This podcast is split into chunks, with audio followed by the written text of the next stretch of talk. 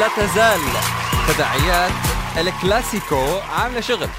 يعني شفنا كيف بعد ما ريال مدريد انتصر بلشت الصحافة تحكي في كثير أشياء انحكى عنها. لا هالمباراة من تصريحات بيكي تصريحات راموس ولكن لا يزال الفيديو المتداول كريستيانو رونالدو وهو موجود بهيدا الكلاسيكو الكبير وكيف الناس كانت عم بتصوروا أحلى شيء الناس عم بتصوروا لكريستيانو ويقول لهم ممكن تحضروا المباراة؟ إنه okay شكرا كثير على الصورة بس بدل ما تتفرج عليه تفرج على كلاسيكو. في عندك كلاسيكو موجود فشو رأيك تتفرج؟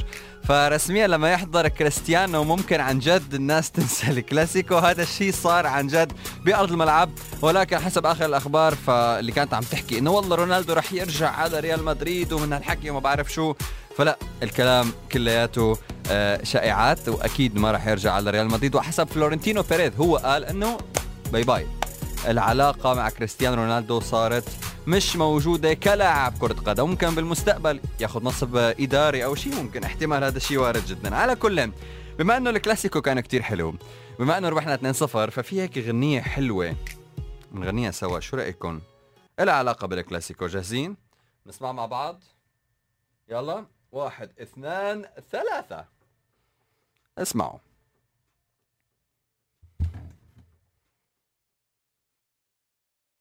مدريد امبارح كان حديد زيدان عملها وكان عقيد ما الصداع ما كان مفيد من برشلونة ما شفنا جديد فينيسيوس جننهم وجاب الجول ماريانو طيرهم تاني جول ومدريد تصدر يا ناس هو الملك اعترفوا خلاص با با با با با با با با با با با با با با با با با با تحية لكل حدا بيشجع ريال مدريد ولكل حدا بيشجع برشلونة بس صراحة كان حديد حديد حديد حديد. مساكن حلو من شو حلو عم تسمعوا دائما.